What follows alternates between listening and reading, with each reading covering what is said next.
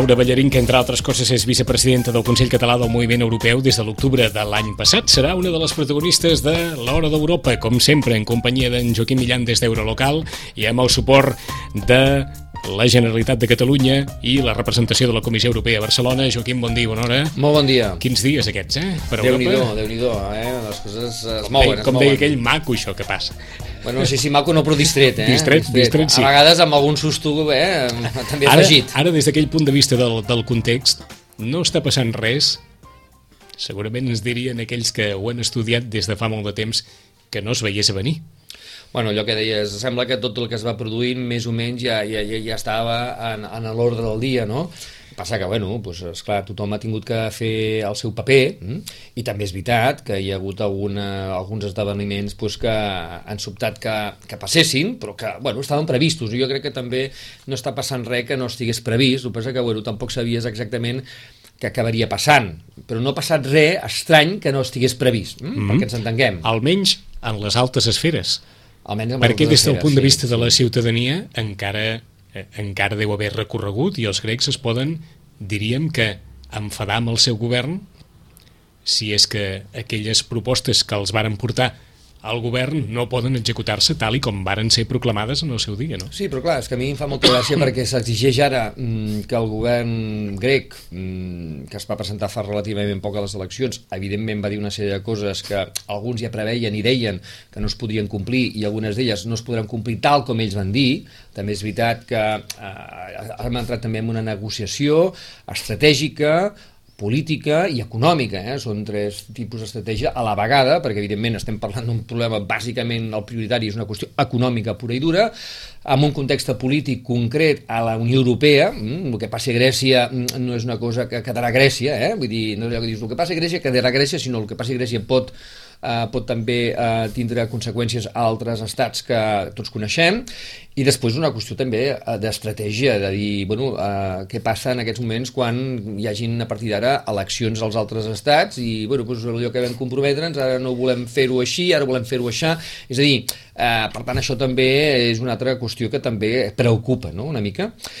El que passa que també anar donant consells de heu dit això i no ho fareu, gent que fa programes que després no compleix, doncs també ho trobo una mica ridícul, no? que és el que també ens acaba passant. No? Vull dir, vegades persones que donen consells dius, home, realment eh, tots tenim una situació complicada i complexa i evidentment anar donant lliçons tampoc es pot anar. Eh, les institucions europees s'estan mostrant molt inflexibles amb Grècia? O és el que han de fer? Bueno, jo crec que és el que han de fer, és a dir, jo crec que hi ha dos papers, el paper institucional, mm, que sempre ha sigut el, el paper de les pròpies institucions de la Unió Europea, però també sabem que dins el context de la Unió Europea doncs, bueno, hi ha negociacions, la Unió Europea s'ha fet fins ara, no en el cas grec, que també, sinó en tots els casos que hi ha hagut, i evidentment amb el recorregut que, que porta d'aquests més de 60 anys, s'ha fet a base de consens, diàleg i s'ha anat fent a si mateixa. Per què? Perquè cada vegada que hi ha hagut alguna cosa s'ha tingut que canviar, doncs s'ha tingut que fer un nou tractat, a la Unió Europea eren sis estats membres al principi, eh, com si del club, ara en són 28, per tant, eh, la Unió Europea ja, ja, ja, ja, ja, aquesta manera de fer ja la porta al seu propi ADN, perquè el seu propi ADN ha sigut anar-se fent, anar-se modificant, anar-se ampliant, anar anar, gestionant aquesta Unió Europea durant aquests anys i això ha suposat negociacions moltes vegades institucionals però moltes vegades, diguéssim, a porta tancada no? és a dir,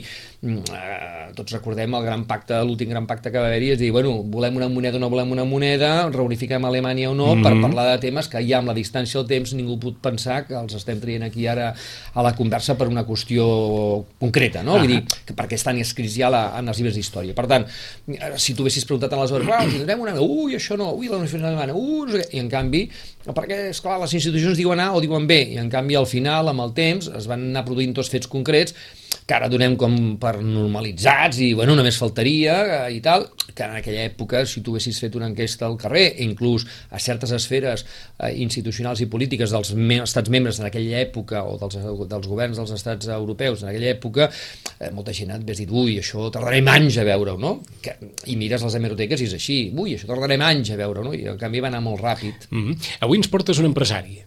Bueno, sí, ell, ara, ell és politòleg, jo el conec de fa molts anys, uh -huh. eh, eh, a més a més, vull dir, ha estat treballant en comerç exterior, eh, eh, i per altra banda pensava que també com tu has dit molt bé, fem alguna cosa diferent, avui trenquem una mica esquemes, eh? i per què no fem una cosa diferent? Un politòleg que exerceix justament de, de gerent i director d'una empresa d'exportació i per tant té una visió com a politòleg pues, interessant, però des d'una visió també de l'àmbit privat, no? Uh -huh. I per mhm. tant, en aquest sentit, jo penso que també jo crec que serà una visió molt enriquidora, no? Doncs saludem a Godofredo Murillo. Senyor Murillo, bon dia i bona hora. Hola, bon dia. Eh, jo no sé si a vegades la vida real d'un empresari tomba més d'una tesi del politòleg.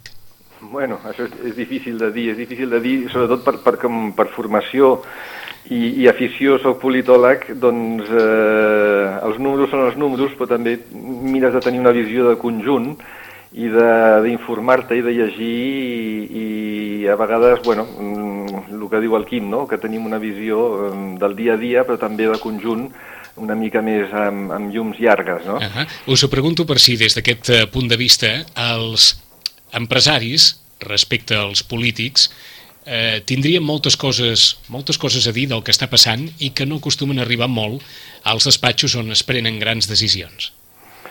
Bueno, sobre el tema de Rússia i Ucraïna, que és el que està més candent ara mateix... Per exemple?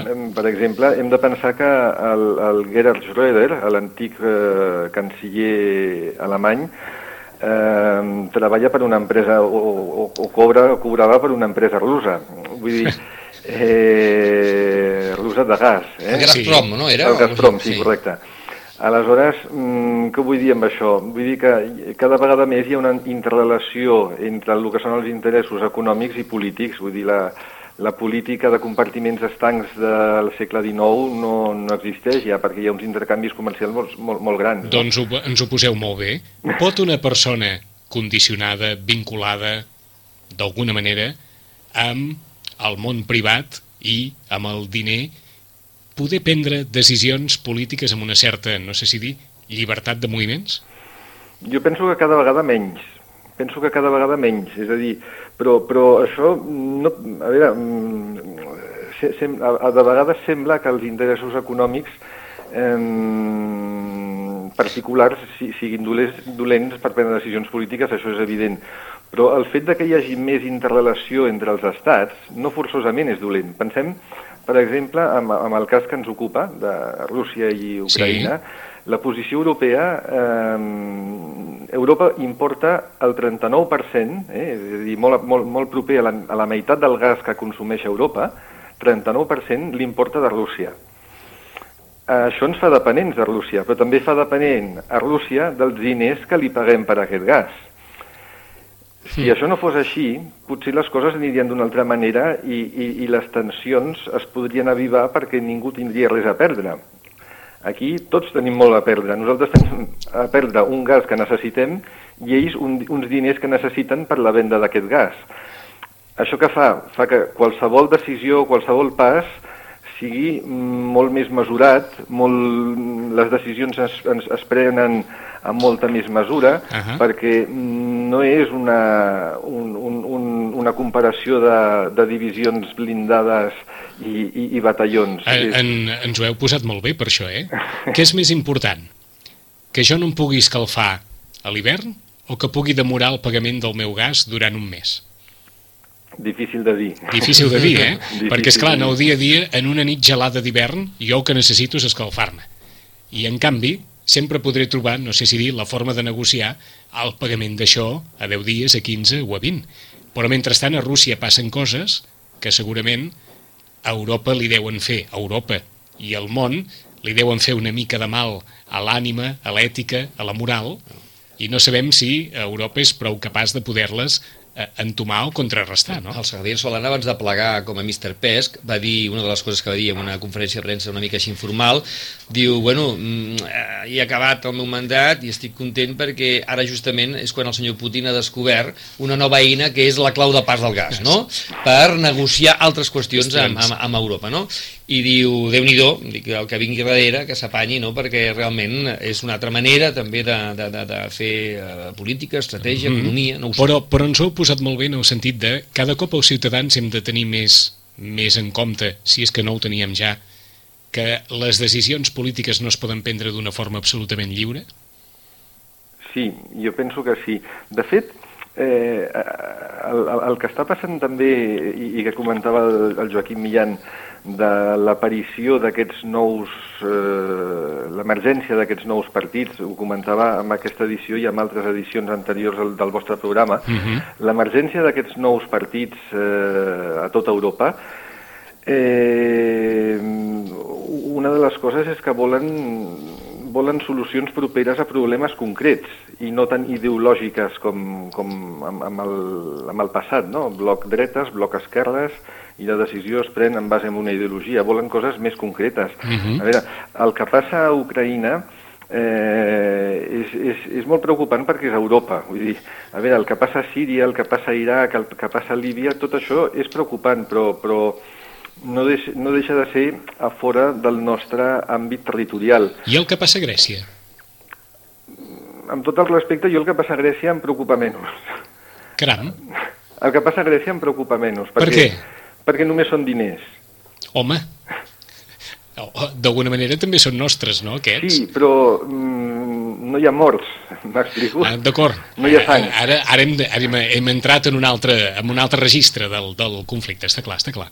I, i, I el que passa a Ucraïna eh, n'hi ha bastants de morts, vull dir, no surten als diaris perquè, bueno, Mhm. la veritat és que no, no sé ben bé per què no surten als diaris, eh, surt quan, quan cau un autocar per un, una llavissada de, i que, que moren quatre alpinistes i cau un autocar per, eh, o hi ha un accident, Mhm. surt, per, per, però a, a, a Ucraïna, i Ucraïna és aquí al costat, eh? No deuen, no deuen sortir perquè des que es va, no sé si dir, signar, emparaular una treva, se suposa que... Eh, eh? Sí. Vaja, vull, Però per vull les creure... cada dia... Eh, les xarxes cada dia en van plenes, però com que es va signar una treva, i suposadament després d'aquesta treva, eh, no sé si dir que els morts no entren en el protagonisme informatiu com podien entrar abans de signar una treva que garantia que n'hi hauria molts més, suposadament, Sí, deu ser sí. per això, no? Jo suposo que sí, i, i, i, i, i si, si es fes més ressò, tam, tampoc, vull dir, és, és, és afegir llenya al foc, oi? Uh -huh. Aleshores, mm, el tema d'Ucraïna és molt més delicat que el de Grècia, perquè el de Grècia, al cap i a la fi, és una qüestió de diners i, i d'una forma o d'una altra es solucionarà, però és una qüestió de o, o es pacta una cosa o es pactarà una altra. Tot i que podríem forçar una mica ara l'argument, és molt probable a Grècia que per aquesta qüestió de diners hagin mort més d'una, més de dues, més de tres sí, persones. Sí, correcte, sí, sí, i, i més a l'hivern. I més a l'hivern, Sí, o, sí. o suïcidades, o arruïnades, o, Sí, o de moltes això, maneres, no? Això és, això és cert. Els danys col·laterals, diguem-ne, Sí. del, del diner, eh? Sí, sí, sí. Sí, però eh, no, no hi ha una revolta interna, no hi ha un problema de convivència entre els grecs. En canvi, a Ucraïna sí. Uh -huh. A Ucraïna el, el que va començar per passar és que hi havia un president, eh, tot lo poc políticament correcte que hi podia haver, però eh, elegit democràticament, i el Parlament el va deposar.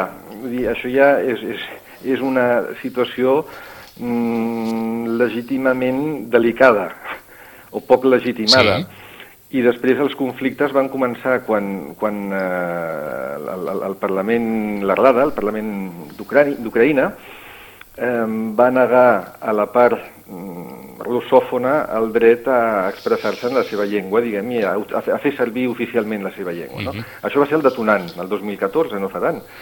Vull dir, ah, és, és, i, i aquí és, és un conflicte social. I, I això mm, només ho pot arreglar Rússia? No, això, això jo penso que la, la posició de la... I, i a més, hi ha, més a veure, jo penso que aquí hi ha, hi ha dues coses. Hi ha una cosa interna i una cosa externa amb el tema d'Ucraïna. La cosa Ahà. interna és el conflicte eh, ètnic, lingüístic, com li vulgueu dir. Vull dir, és, és un país com Líban. Líban, doncs, tens confessions diferents, idiomes diferents, però bueno, tenen un entente, eh? el, el primer ministre és d'una ètnia, el president és d'una altra, i em, quan no hi ha hagut això, hi ha hagut guerra civil, i quan hi ha hagut consens, no majoria, consens, mm, la cosa va bé, funciona.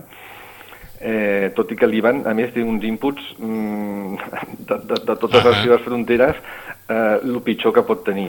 Ucraïna, a sobre, no, no tindria tants, tants inputs. És a dir, a Ucraïna, si, si s'arribés a un consens de, de convivència, el problema s'acabaria. El, el primer problema és, és intern, que és, és de, de que bueno, hi, ha, hi ha dues ètnies, no són bé ètnies, són, són cultures o, Mhm. o, o gent de parla diferent, que geogràficament no, no estan al mateix puesto, eh? estan al mateix país però estan a puestos diferents, sí. i que no s'avenen, no es posen d'acord. Això primer. I el segon és, és l'error, l'error de la part mm, de, de, de la part del govern que hi ha ara, de trencar el consens que es va fer al 90, quan, quan Gorbachev quan Gorbachev va, va dir, ok, mm, l'Alemanya que es reunifiqui, no hi ha cap problema, sí. però les fronteres de l'OTAN mm, que es quedin on estan eh, amb la nova Alemanya, que no s'apropin més a Rússia. Clar, ara què passa? Què passa? Eh, el senyor Putin pot tenir una imatge molt, molt dolenta perquè un tio que va a cavall, amb el tors nu, vull dir, té una imatge una mica peculiar de quan en quan, però no és... Aquesta, no és... aquesta imatge mig d'emperador, eh? Sí, d'emperador guerrer, no? Sí, Pues sí. veiem molt ADN rus, Ah, eh? que, diguem-ne, de, de, la, de la vella escola, oi? Ah, exacte. Ve de la KGB, em sembla, aquest tio també, Eh, no? És ex-KGB, vull dir, Ex-KGB. entre el currículum, però, però, però, però té uns estudis que no és, no és cap il·luminat, per Mhm. entendre'ns. Bé, hi ha, molta, hi ha moltes etapes de la història en les quals han gestionat el món persones amb molts estudis.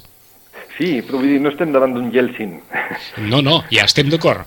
Però sí, sí, però vull dir que la, diguem-ne la, la voluntat o el factor emocional a vegades va més enllà del Sí. coneixement de, que I- puguem tenir, eh? Correcte. Ah. Això plenament d'acord, I Vicenç. aquí, i aquí, té, aquí té, té un punt d'emocional, tot això Sí. que està passant també, Sí. eh? Ens I sembla? aleshores és, és això que dic, el factor exterior, a l'interior d'Ucraïna ja hem dit quin és, i el factor exterior és que eh, Rússia sent que eh, de forma injustificada, perquè mm, no, no hi ha guerra freda, no, no és Ahà. l'enemic, eh, l'OTAN amplia o, o té possibilitat d'ampliar la, la, la, la frontera de l'OTAN fins a Rússia. D'acord, és a dir, d'acostar-se més a casa seva, vaja. Sí, sí, a, a la Frontera. porta. Eh, eh, porta. a la porta de a casa. la porta de casa, és a dir, que l'OTAN no fa frontera amb Rússia, si Ucraïna entra a l'OTAN, l'OTAN fa frontera amb Rússia. D'acord. I llavors la pregunta és, la pregunta que es fan els russos, m'imagino jo, quina necessitat hi ha d'això?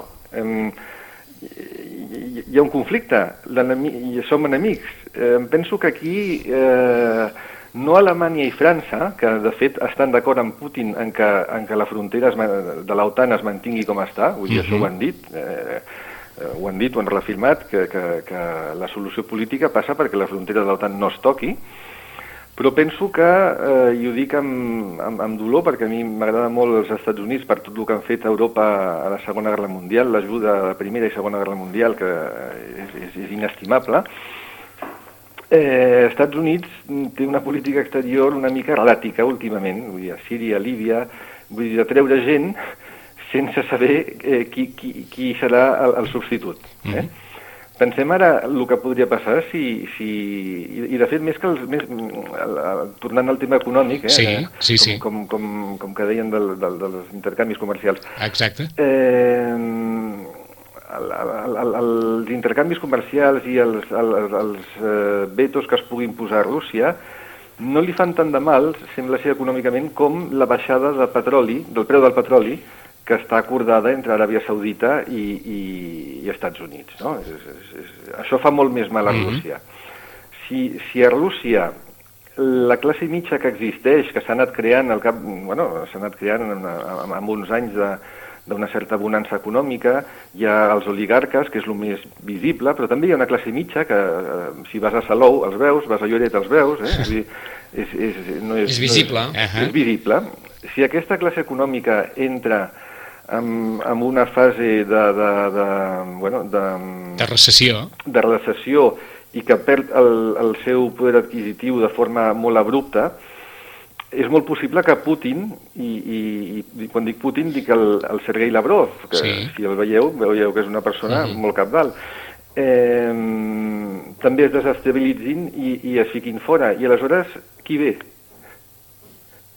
Qui ve després del Putin? Mhm. Mireu el que ha passat a Síria, mm, o a Iraq, o, o a Líbia, vull dir, mm, no, no se sap que hi ha, el que deia el Kennedy, jo quan vull trucar a Rússia truco al Brezhnev, quan vull trucar a Xina eh, truco al, al Deng Xiaoping, però quan vull trucar a Europa, qui truco? Ah. Bueno, pues, si això ens passés a Rússia, mm, jo penso que seria una situació molt pitjor de la que hi ha ara. Ara no sé si ens valdria, a partir de l'argumentari que ens deixeu, allò de millor boig conegut? Sí, Sí? Jo penso que sí. D'acord.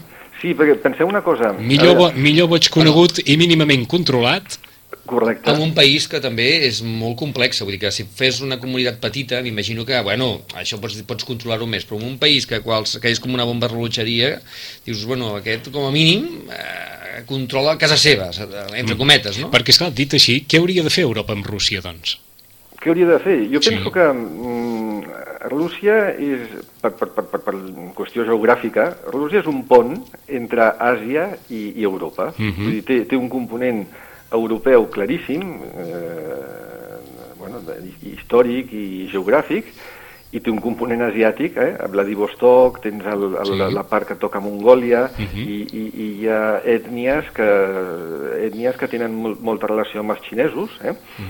Però també hi ha una cosa, tenen 20 milions de musulmans eh, a dintre de Rússia, 20 milions. I això, eh, el, el, el perill és que hi hagi una radicalització. Vull dir que, en aquest sentit, el, el, el perill que te- tenen ells i el que tenim nosaltres Ah. és comú.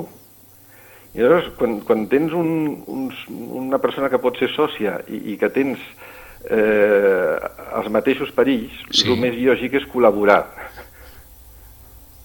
col·laborar Mhm. amb, amb, amb aquest possible soci eh, per mirar de paivagar. Penseu una cosa, Rússia es pot girar cap a, cap a Àsia, vull dir, eh, és molt fàcil.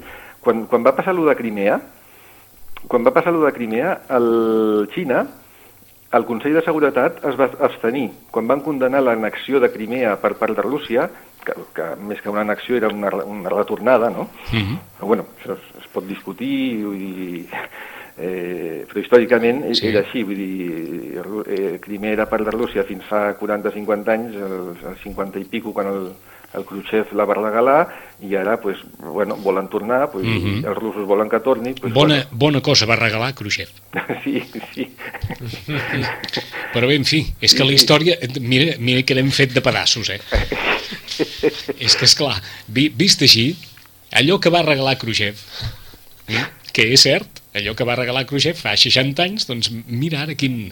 Ara ho volem. no? Ara, Sí, Eh? sí, és una, bomba de rellotgeria. una bomba de rellotgeria. Sí, sí. Allò que en el seu moment no es va resoldre, o es va resoldre a cop de, de vinga, de, de decret, De decret. ara ara posa sobre la taula una, una qüestió d'aquelles de gairebé, diríem, de geometria variable diplomàtica per veure com es pot resoldre això sense, sense trencar masses llençols de la bugada, no? Exacte, Ah. sí, sí.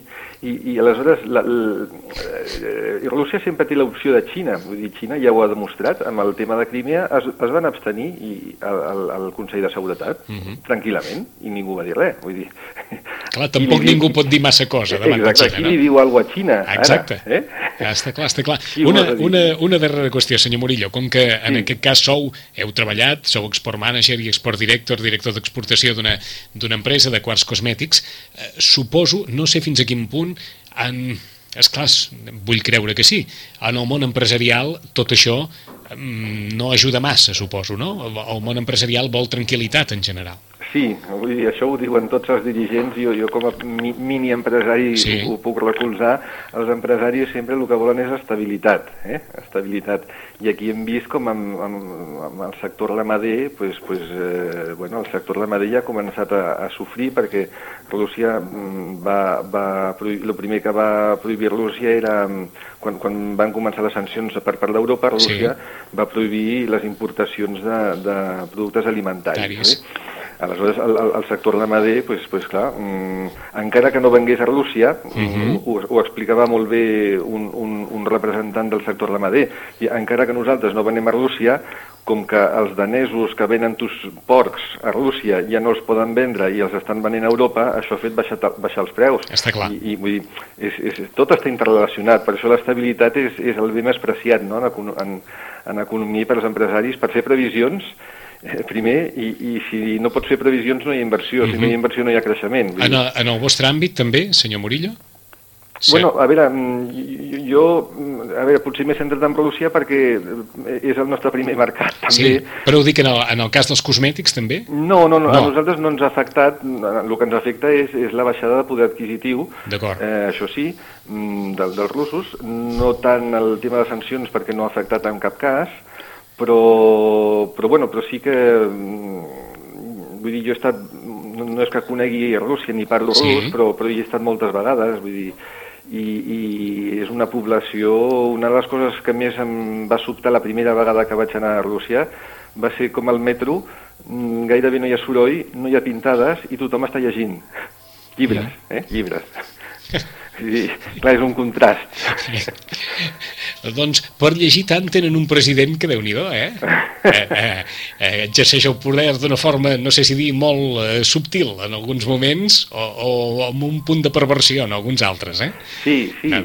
Sí, sí, clar, vull dir, ell, ell però, però és, cert, és cert que, diguem-ne, la, la cultura russa o aquesta imatge de la, de la disciplina, de la cultura, de la, del valor del coneixement, sí que sempre ha estat associada en, en, un, en un gran país com és, com és Rússia. Eh? Però de la relació entre, entre Europa i els russos n'hem parlat amb, amb Godofredo Murillo, ens ha passat el temps així, així volant. Us saluda en Joaquim Millán, Godofredo. Molt bé, Godofredo, gràcies per estar avui amb nosaltres, ha estat molt bé. Eh? Gràcies, Vicenç, moltes gràcies, Quim. Gràcies, fins la propera. Fins la propera. Adéu-siau. Adéu, bon dia. Adéu.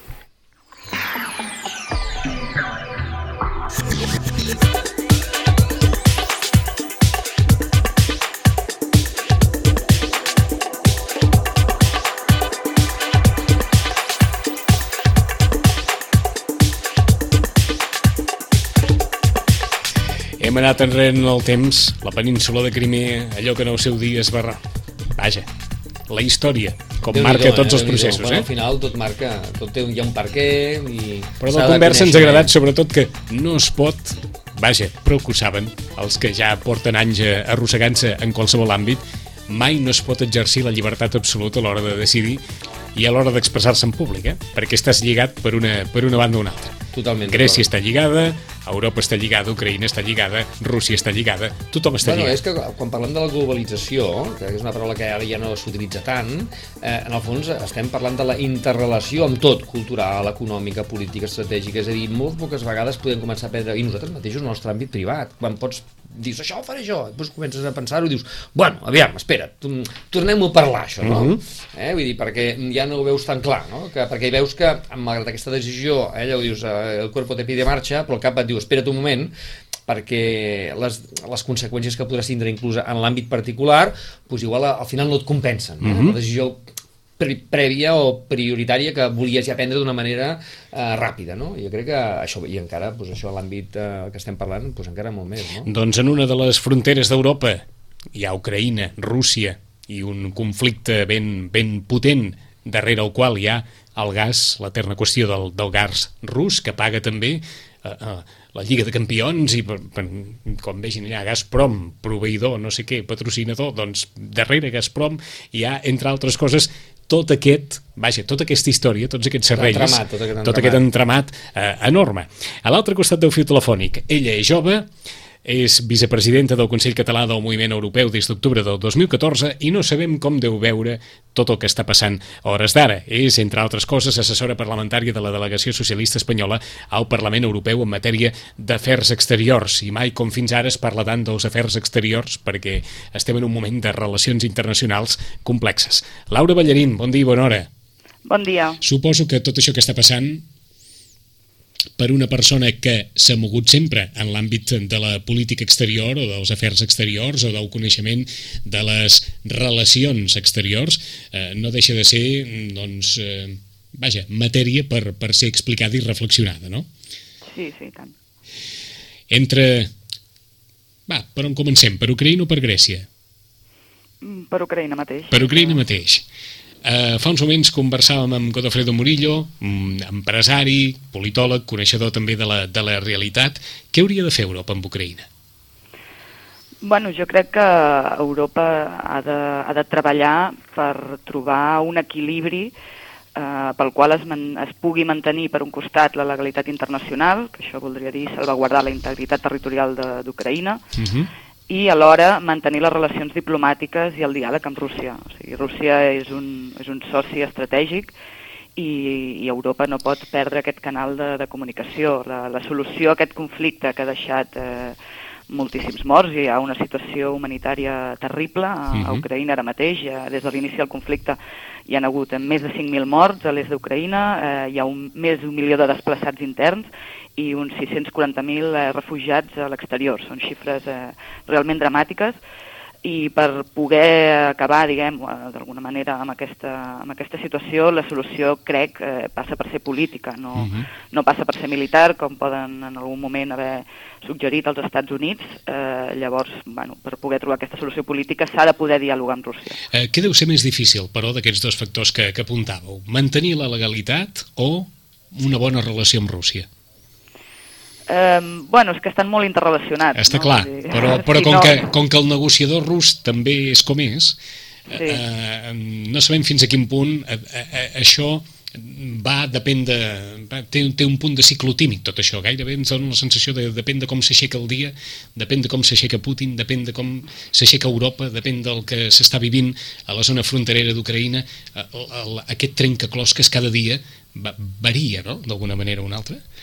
Sí, evidentment, hi ha, hi ha, però hi ha moltíssims factors, vull dir, no, no només és això, la, la legalitat internacional, hi ha temes energètics, hi ha, uh. -huh. hi ha un tema també econòmic eh, de, de, la, de la Unió Aduanera que va intentar posar en marxa la Rússia fa uns mesos i l'acord eh, de lliure comerç d'Ucraïna amb, amb la Unió Europea. Vull dir, hi ha bastants factors a tenir en compte i bueno, la, crec que s'ha de, de treballar de manera diplomàtica i, i, amb, i amb, el, amb el cap, diguem... Eh, Fred, Europa es pot fer forta o necessita dels Estats Units per fer-se més forta encara? Eh, bueno, crec que s'hauria de fer més forta la Unió Europea del que, del que està sent ara mateix, però bueno, el, el, el, qualsevol aliat internacional, i en aquest cas els Estats Units, és bo si es va amb la mateixa línia. Si, si resulta que tenim postures, eh, diguem, contraposades, eh, no, no, ens debilita la nostra postura enfront a Rússia i, com també ha dit el, el, el ponent anterior, uh -huh. exacte, eh, en qualsevol moment Rússia es pot, bueno, es pot girar cap a Xina o cap a Àsia i, i nosaltres, diguem, perdre molta influència aquí. Uh -huh.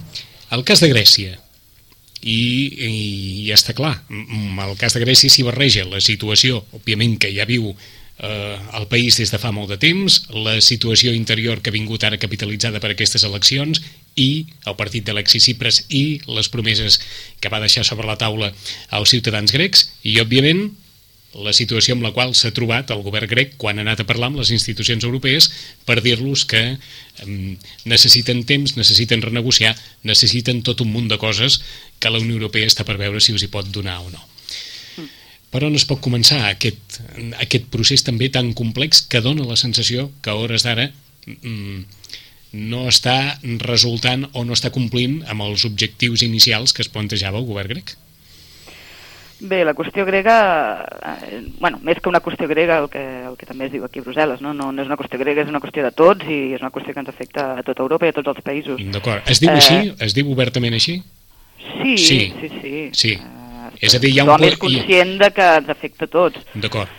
I, bueno, hi ha, hi ha preocupació, però alhora, bueno, ja crec que la solució passa perquè s'ajudi a, a Grècia a poder eh, flexibilitzar una mica la, la, els objectius fiscals, eh, renegociar el deute, que evident, i, i passa per també, crec jo, perquè una, un repensament de les polítiques d'austeritat que han vingut imposades eh, per Europa els últims anys i que s'ha vist que no han funcionat, o sigui, no només han, no han funcionat a nivell uh mhm. -huh. econòmic perquè han destrossat l'economia d'aquell país, sinó a nivell social han deixat el país en, un, en una situació de d'extrema debilitat, de pobresa, de descohesió social, i crec que això tothom n'és conscient, eh, el que passa que bueno, aquí també hi ha un joc d'equilibris entre els països, diguem, doncs això, Alemanya, uh mhm. -huh. els, els, les institucions europees, i els altres i països del sud, però bueno, jo crec que, que s'ha d'ajudar a Grècia i eh, però també Grècia s'ha d'ajudar a si mateixa. Uh, uh, ho preguntava perquè mm, suposo que Laura Ballarín deu haver, no sé si en els passadissos de les institucions europees ja s'apunta aquesta qüestió del tercer rescat, com deia el ministre de Guindos,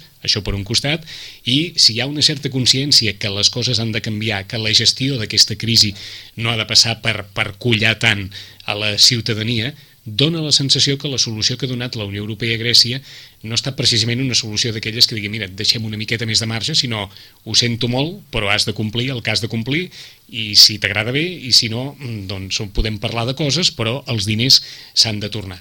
Hi ha aquesta sensació o, o no? Mm, hi ha una sensació de, de que s'han de complir la, el, els compromisos adquirits, Sí. però alhora que certes coses han de canviar. Evidentment, la, les, els resultats de les eleccions gregues, eh, van, tot i que s'esperaven, no van ser cap sorpresa, eh, marquen un abans i un després. O sigui, crec que s'estan desdibuixant eh, les línies ideològiques en, en, certs, en molts països, no només a Grècia. Ja no es parla tant d'esquerra-dreta, es parla doncs, de creadors i deudors, de sobiranistes i no sobiranistes, i bueno, la coalició que ha fet també el, el govern grec n'és una mostra. Un, un partit de, de, radicalment d'esquerres s'ha aliat amb un partit d'extrema de dreta en, en base a la sobirania enfront a, a Mhm. Europa, diguem, no? Sí.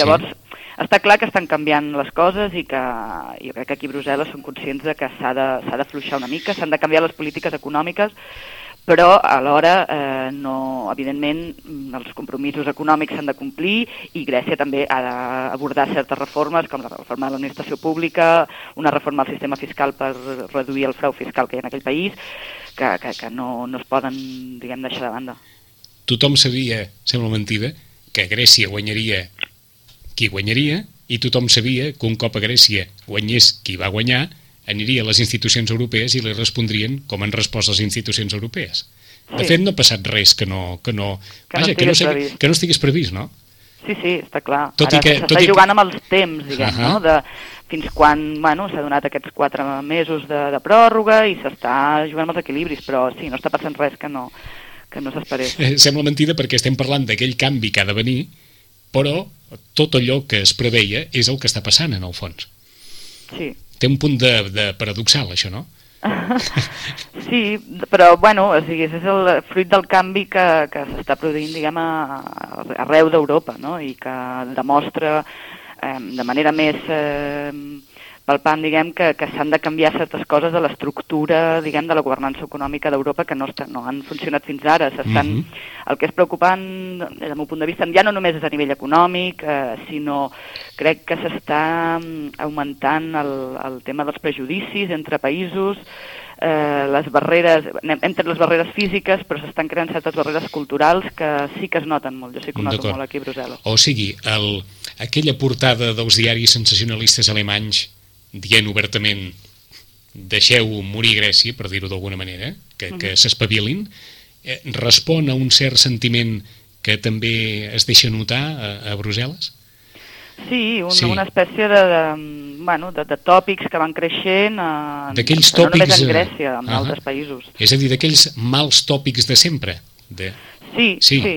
Jo crec que sí, que estan, que estan augmentant i per fer front a això, bueno, i els que més se n'alimenten, evidentment, són els, els partits més o euroscèptics o més xenòfobs, més eh, populistes, i crec que bueno, la Unió Europea i els, i els, i els partits eh, potser més, eh, no sé com dir-ho, doncs, més europeistes Sí. haurien de fer una mica de front comú per evitar aquest auge, perquè és realment perillós. Perquè quan van mal dades tothom mira una mica cap a casa seva? Sí, en certa manera sí, el que passa que, bueno, o sigui, també es busca, diguem, certes excuses o certes eh, explicacions fora, però, però bueno, jo crec que, que la Unió Europea serà capaç de, de sortir-se'n, Mhm. que tothom sap que una sortida de, de l'euro de Grècia no és bona per ningú i bueno, s'està treballant, jo crec. Eh, és a dir, el que queda clar és que ja ningú diu en veu alta ni tan sols es planteja l'hipòtesi d'una sortida de Grècia No. de l'euro, això No, per un crec- costat, Sí, exacte. i es planteja la hipòtesi aquesta, no sé si més o menys a la cartera, de la possibilitat de tornar a rescatar Grècia? Bueno, això estan parlant, sí, a nivell de, de les institucions. Suposo que estaran mirant quin tipus de, de mecanisme econòmic se'ls pot, eh, diguem, a- donar, perquè, clar, evidentment, els comptes i les nòmines i Ahà. certes factures s'han de pagar S'han de demà. pagar, no? Exacte, i bueno, s'haurà de, de buscar, no sé si, si serà un rescat eh, com els d'abans o potser s'haurà pues, això de, de mirar que les condicions no siguin com les que s'han Clar, presentat. perquè pensàvem, si és un rescat com els d'abans i a Atenes han d'arribar els representants de la Troika, se- se'ls mengen, no? Ha- S'ha de fer alguna cosa perquè no, no es visualitzi... o- o- Sí, de fet, eh, ja les pròpies institucions ja no parlen de troika. Està clar, no? Ja han, sí, exacte, han tret el, el nom de troika ja no apareix en, els, en cap document, Han- s'han han- adonat, diguem, de, de la... De la ferida. Sí, de la Sí. ferida, del mal que fa, diguem, aquesta paraula, de la, de la falta de legitimitat que té, en Ahà. fet, eh, aquesta institució, que no, no, no té cap tipus de, de rendició de comptes, Mhm. i jo crec que a poc a poc eh, s'està, diguem, buscant alguna manera per millorar les coses. Laura Ballarino, saluda Joaquim Millan. Moltes gràcies, Laura, per estar avui amb nosaltres. T'ho agraïm molt. Moltes gràcies a vosaltres. Per cert, que no sé quines línies de telèfon tenen a Brussel·les, però se sent això com si estigués Laura Ballarina aquí, Aquí al costat, aquí eh? a, la, a la cantonada. Eh? Altra Bueno. cosa no sé, però com a mínim les línies de telèfon en Brussel·les funcionen De, d'allò de més moment bé. funcionen. Laura, gràcies per estar aquí Molt amb bé. nosaltres. Bon dia. Fins la propera. I en Joaquim Millan, com sempre, d'aquí un mes eh, retrobarem en el temps de l'Hora d'Europa. Joaquim, gràcies. Fins la propera. Bon dia. En 5 minuts tornem a ser aquí. Fins ara.